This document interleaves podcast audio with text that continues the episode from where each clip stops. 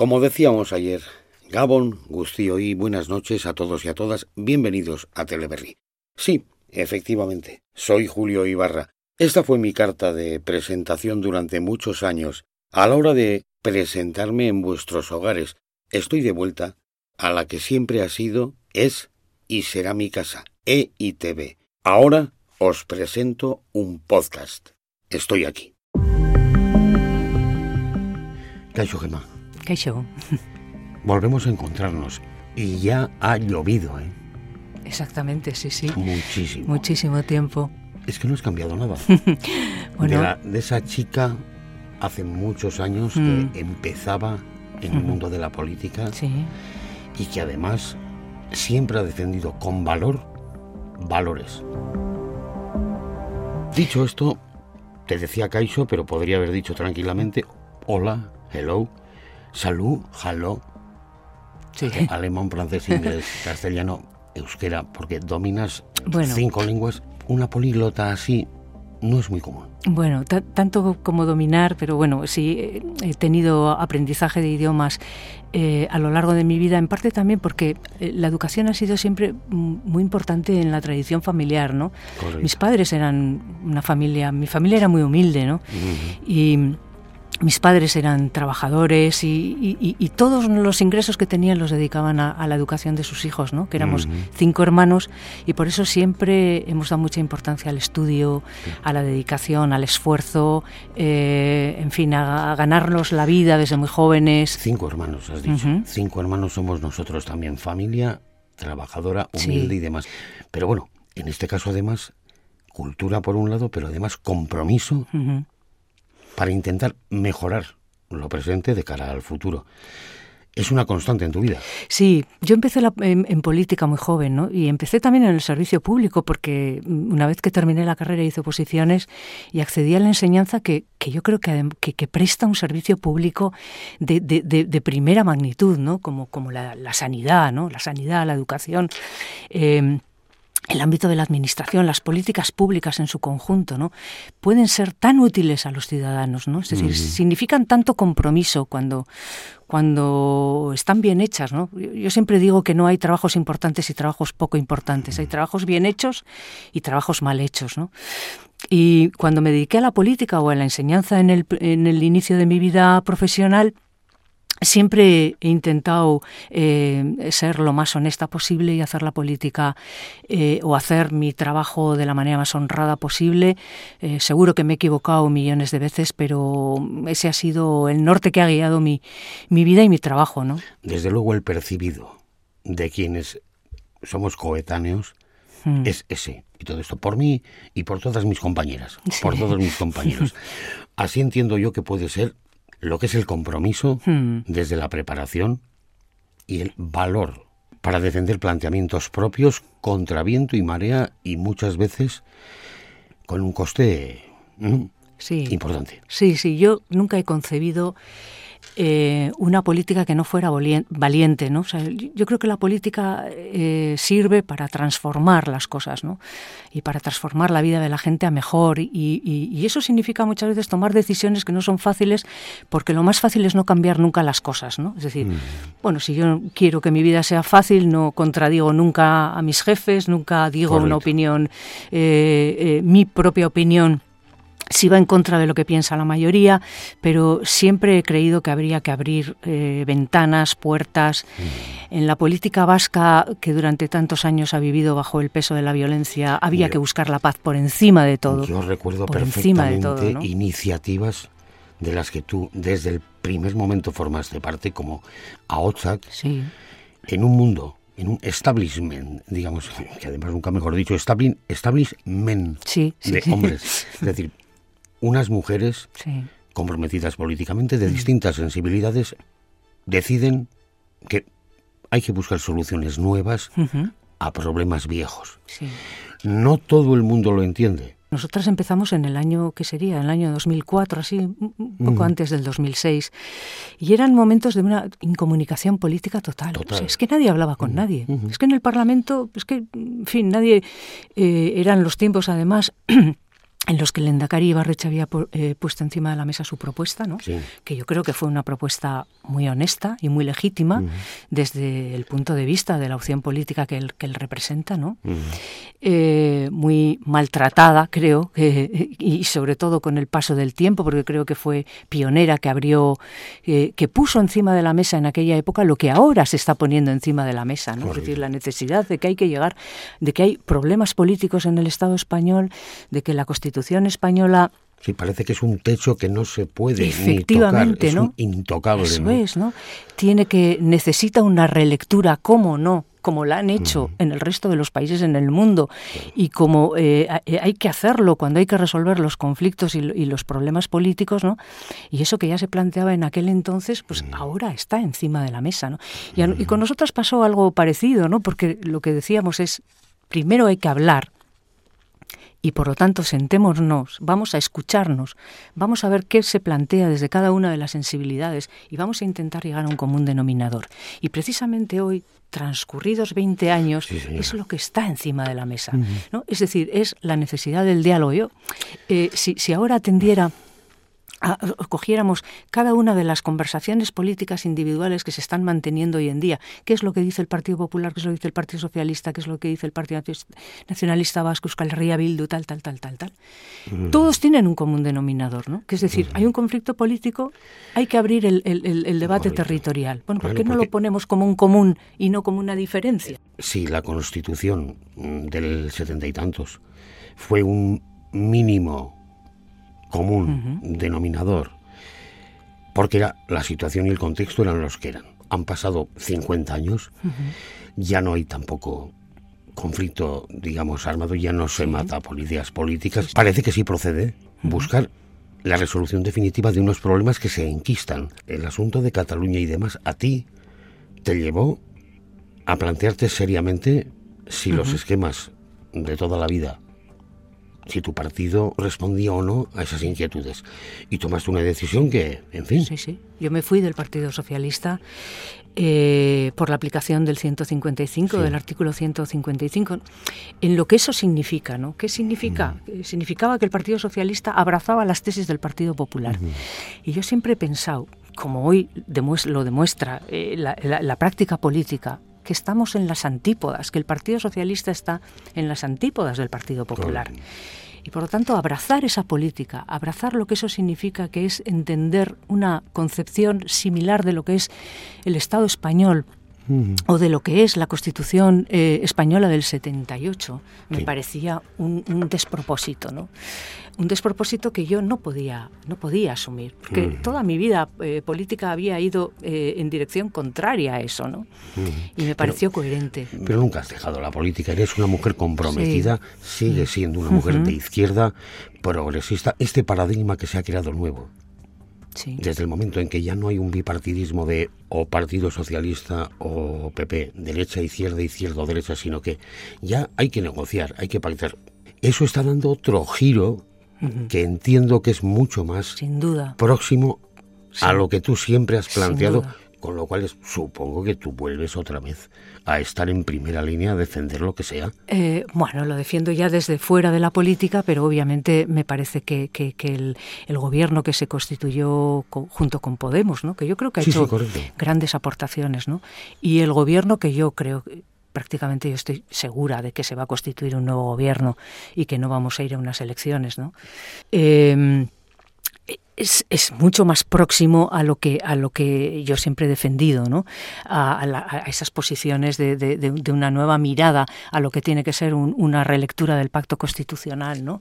Efectivamente, ¿no? Yo siento que eso es una ventana, como suelen decir los alpinistas suelen decir cuando van a atacar al Everest, ¿no? Se abre una ventana de buen tiempo, ¿no? Bueno, pues yo diría que es una ventana de buen tiempo, que ya el anterior gobierno lo fue y que este también, ¿no? Además es muy coherente con la postura que tú siempre has mantenido, antes decíamos, arriesgar. Yolanda Díaz se entrevista sí. con Puigdemont en el exilio, Puigdemont en el exilio se va y no pasa nada. Por supuesto, y además no ha pasado nada. Es decir, eh, yo creo eh, que mm, a la izquierda del Partido Socialista hay una izquierda que, que tiene que existir, ¿no? Eh, que tiene su razón de ser Y en este sentido yo creo que ha sido muy positivo el paso que ha dado y nos ha dado ejemplo de que no pasa absolutamente nada, ¿no? Mm. Es decir, eh, la política tiene que ser valiente. Yo siempre he creído que la política eh, solo se puede hacer política desde la valentía, ¿no? Creo que Yolanda Díaz ha sido valiente entrevistándose con Puigdemont, Rodríguez Zapatero fue valiente iniciando un proceso de paz. Todavía eh, ya nos hemos olvidado, pero el Partido Popular llenaba las calles diciendo, diciendo que, que, que, que era enemigo de las víctimas. es decir, Rodríguez Zapatero y el gobierno español es enemigo de las víctimas. Tal, ¿no? Y yo creo que Sánchez es valiente también. La disposición a hablar entre diferentes sí, sí. para buscar insisto, soluciones nuevas a problemas viejísimos. Si no, se enquistan y seguiremos, y seguirán los años pasando y todavía habrá una falta de encaje bien de Cataluña, bien del País Vasco, de Euskadi. Exactamente, yo creo que Pedro Sánchez ha sido valiente y todavía tiene que ser más valiente, mucho más, ¿no? Porque creo que es, es, la hora de, de, solucionar esta cuestión. Es decir, después de 50 años, yo creo que hoy en día los actuales agentes políticos, líderes políticos, no serían capaces de hacer una constitución como la del 78. Y estamos 50 años después. Y serían, no serían tan valientes. Yo diría que la Constitución española eh, eh, eh, plasma un, un, país, un federalismo imperfecto de alguna manera. Yo le llamaría así, ¿no? Es decir, ¿qué está en los orígenes o en la sustancia o en la esencia? Un federalismo imperfecto que no se ha perfeccionado, sino que todo lo contrario, que ha involucionado, ¿no?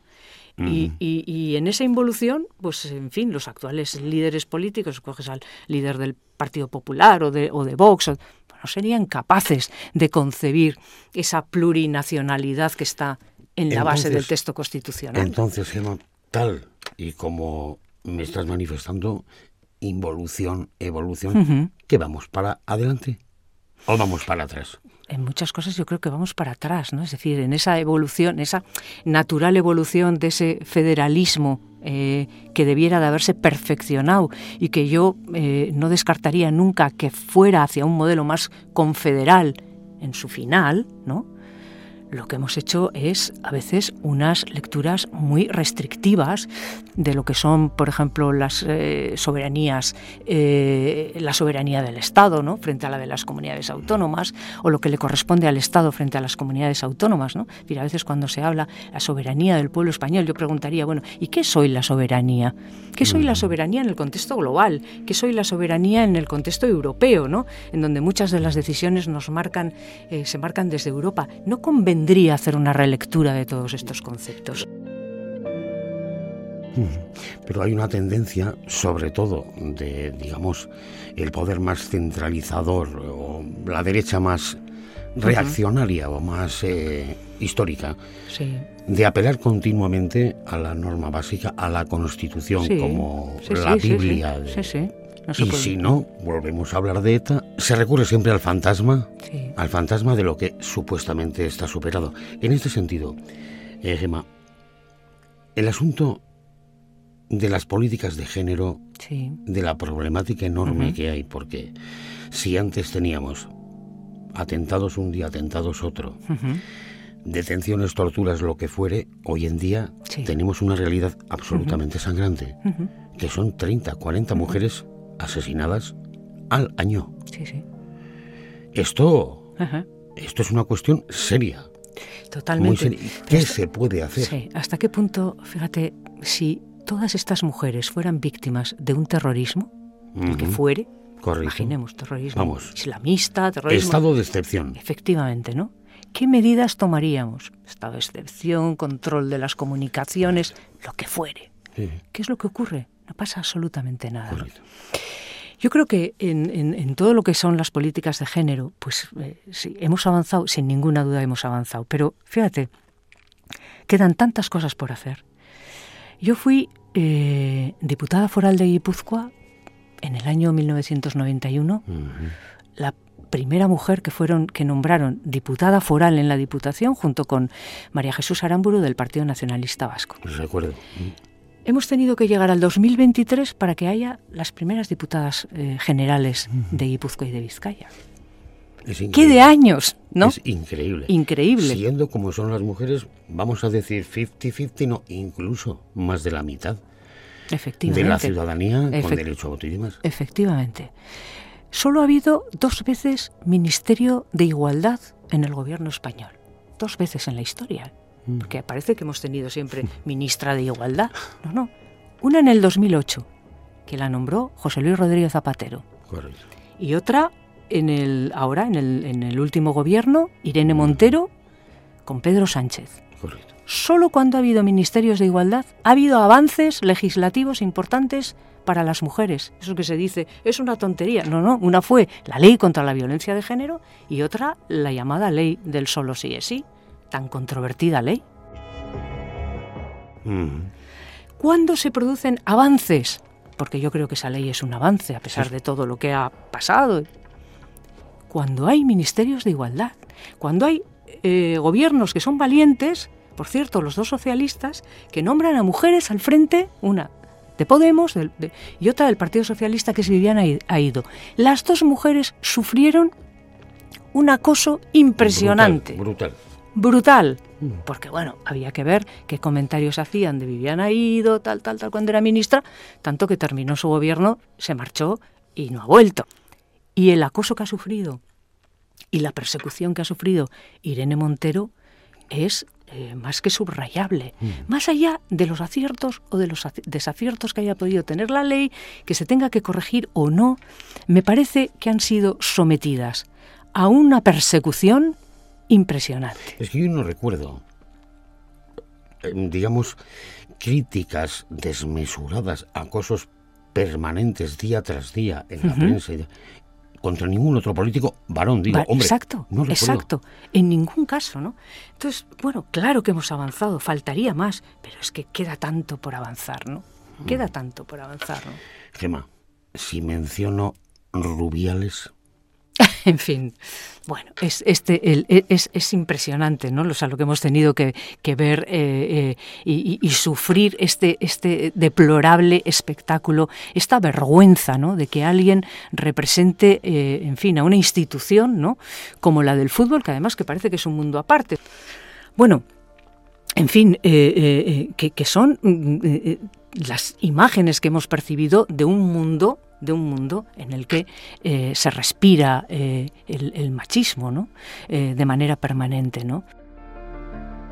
Los ejemplos que muestran ese machismo que tenemos todavía en la sociedad tan permanente que hace que haya tantas víctimas, tantas mujeres víctimas mortales, tantas mujeres asesinadas, tantas mujeres maltratadas y tantas mujeres que sufren la violencia o el acoso eh, en nuestra sociedad ¿no? y en, nuestro mundo tan avanzado ¿no? en el siglo XXI, en el año 2023, que tengamos que vivir esta situación. ¿no? Y estamos viendo entre la juventud pues casos de, de, sexismo, de machismo, de violencia de género que parecían propios de nuestros abuelos cuando, en fin, el Señor ordenaba y mandaba. Sí, además que uno de los problemas más preocupantes es el de la violencia y el del acoso y el sexismo en los más jóvenes, ¿no? Es decir, en chavales que son muy jóvenes, ¿no? Yo creo que la formación y, y la educación, que no solo compete, por supuesto, a las escuelas, sino que compete a toda la sociedad, compete a las familias, compete a las instituciones, nos compete a todos, ¿no? Eh, a la hora de formar, a la hora de educar, a la hora de que sepan seleccionar, a la hora de que sepan exactamente qué es lo que se les está diciendo, ¿no? Eh, para que lo compren o para que no lo compren, ¿no? Eh, para que les afecte o para que no les afecte, ¿no? Yo ahí haría un, especial hincapié, ¿no? Es decir, mm. yo creo que el salto cualitativo de la educación y de la calidad de la educación no pasa solo porque sepan y aprendan muchas más o menos tecnologías, muchos más o menos conocimientos, sino que sean eh, verdaderamente chavales, chicos y chicas con, con, capacidad crítica, ¿no? con capacidad de poder discernir en este tipo de cosas, porque lo que no podemos es parar el mundo, lo que no podemos es poner fronteras al mundo, eh, van, a, van a venir mensajes de todos los lados, van a estar bombardeados constantemente, van a eh, utilizar las nuevas tecnologías permanentemente y no se trata de ir cerrándolas, sino de, saber utilizarlas bien además nuestras generaciones, Gemma, nosotros somos los primeros que sabemos que prohibir hmm. ya viene a ser como un reactivo en la juventud, con lo cual ya comparto contigo que no creo que sea esa la fórmula. En cualquier caso, ¿qué te parece también el asunto de las redes sociales? ¿Aporta? suma o resta en lo que es el avance en las libertades y en los derechos de las personas. Las redes sociales tienen aspectos que son positivos y, volviendo un caso, eh, volviendo un poco al caso Rubiales, ¿no? El caso Rubiales tuvo una trascendencia importante cuando empezó a rular por las redes sociales, ¿no? Es decir, aquello fue, la gente lo vio, los medios de comunicación lo retrata, lo, lo, lo, reflejaron, ¿no? Es decir, las imágenes, pero cuando adquiere una dimensión mm, importante y trascendente, cuando empieza en las redes sociales, dice, esto está que arde, ¿no? Es decir, ¿qué tiene e, esa capacidad ¿no? de, de, de, de, accionar algo y de, llevarlo al top ten? ¿no? Bueno, ¿eso puede ser eh, negativo? Pues a veces puede ser negativo y a veces, como en este caso, fue positivo, porque verdaderamente le dio una dimensión mundial a un asunto que necesitaba eh, eh, que adquiriera esa dimensión, porque si no, lo que íbamos a decir es que pues esto es una tontería. Mm. Si esto ha sido, pues que en un momento determinado, la explicación que dio él, ¿no? En un momento determinado, pues tal, ¿no? Tal. ¿Sirvieron para bien? Pues mira, en ese momento creo que para bien. Que en otros, en otras en momentos sirve desde luego para, para mal, ¿Por qué? Porque se utiliza para mentir, porque se utiliza para difamar, porque se utiliza para amenazar, mm. porque se utiliza para ejercitar acciones violentas, sin duda, ¿no? Para eso, ¿no? Podemos eh, frenarlas, podemos. Yo creo que el mundo ya es imparable, ¿no? Solo cabe para eso eh, formar, formar y formar, dedicar mm. tiempo a eso y, que cada persona disponga de los mayores instrumentos personales, fortalezas y no debilidades para hacer frente no solo a lo bueno que viene, sino a lo regular y a lo malo que nos rodea y que nos viene. ¿no? En nuestra época, fundamentalmente, los valores se adquirían también en la, en la escuela, también en, la universidad, donde fuere, pero fundamentalmente en casa. Ahora, sin embargo, ni la escuela, ni la familia, ni en casa, ni en el instituto. La información, el cotejar las cuestiones y demás, todo a través de las redes sociales. Y yo creo que hay no sé qué te parece a ti. Hay, deberíamos, sí, hay un riesgo y yo creo que deberíamos de contar, eh, o sea, la, sociedad de alguna manera tiene que hacer también una alianza, ¿no? Eh, con todos estos jóvenes que son muchas veces prescriptores ¿no? en las redes sociales, a las que les siguen, ¿no? muchísimos jóvenes, y yo creo que debieran de ser los grandes aliados de los valores. Y yo creo que igual ahí no se hace suficiente trabajo por parte mm, de los poderes públicos o por parte de, en general de la sociedad en su conjunto, ¿no? a la hora de contar con ellos o a la hora de hacerles cómplices de esta tarea común. ¿no? ¿Por qué no ponerlos en la vanguardia de estas cosas, ¿no? de las buenas cosas? ¿no? Tu Gema eres donostia, sí. nacida en San Sebastián, en Donostia. Vives, ahora vives en Donostia. Sí, sí, vivo en Donostia, sí. Es decir, toda eh, tu vida gira en torno a, un, a una ciudad, a una sociedad, a unas gentes que en un momento dado te conocen por tu figura política, como un personaje del Teleberry, digamos. Y cuando abandonas la política, bueno, cesa esa etapa, vuelves a estar con tus mismos vecinos. ¿Hay quien te pasa factura, receta, además? ¿O no? No, no, nunca jamás me ha... O todo lo contrario, o agradecer también, digo. ¿eh? Sí, sí, bueno, eso me ha pasado más. Eh, ha habido más gente que me ha parado por la calle y me ha dado la enhorabuena por dejar la política, por ejemplo, mm. eh, o por decir que me he ido del Partido Socialista. Eso sí que me ha, pasado, me, ha, parado. O cuando he escrito un artículo, hay gente que me ha venido a felicitar, pero nunca nadie me ha reprochado nada por la calle. No, ¿Te sientes cómoda con tu gente? Absolutamente, absolutamente. Para mí fue un salto mm, vital de calidad de vida pasar de recorrer Euskadi a lo mejor en un día, ¿no? Que te tienes que vas a Vitoria, después a Bilbao, después vuelves a Donosti a coger el autobús para ir a mi instituto, ¿no? Donde daba clase o iba andando o cogía el autobús, ¿no? Y eso es tan a la gente le sorprende mucho eso, ¿no? Yo tenía a veces mis compañeros de instituto que sabían de dónde venía a veces le sorprendía porque la imagen que tenemos de un político es que nunca vuelve a su sitio de trabajo, ¿no? Y que cuando vuelve a su sitio de trabajo no es como los demás, ¿no? Bueno, vuelves a tu sitio de trabajo y te pones a la cola de, decir, bueno, pues cojo lo que haya que coger, eh, los eh, ¿qué, grupos no quiere la gente? Pues, pues venga, eso es para mí. ¿eh? Es decir, los pequeños no quieren, a mí me gustaba siempre dar el segundo bachillerato, el curso más alto y luego cogía a los pequeños. ¿no? Y generalmente la gente no quiere darles a los más, porque son más revoltosos y tal y cual. Pero no eh, echas de menos el, en absoluto. la tensión de... Nunca lo eché. No. No, no, no, no, no. O sea, cuando volví al instituto yo fui feliz. Yo no eché en falta nunca la política. Entre otras cosas porque porque la política es muy dura, ¿no? Eh, porque ¿Te, quitaste un peso de encima? Desde ese punto de vista, oh, sí. Mm. Yo me sentí muy, me sentí muy, me sentí muy libre en el año 2011 cuando ETA dejó las armas, ¿no? Mm. Yo creo que ese momento fue absolutamente liberador para mí. Gran parte de mi compromiso político de estar en la política por ahí venía vinculado tu esfuerzo, correcto. Cuando aquello yo, yo ya sentí una gran relajación, eh, lo hemos logrado hemos logrado lo más importante.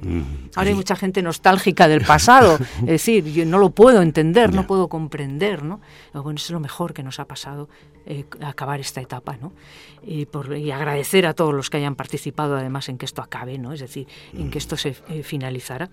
Y, y, de ahí sentí una, una, enorme liberación, ¿no? Y ya luego ya me tomé la determinación, de, se acabó el gobierno, que fue una etapa muy dura, eh, y, ya está. Y volví a, a, mi centro de enseñanza.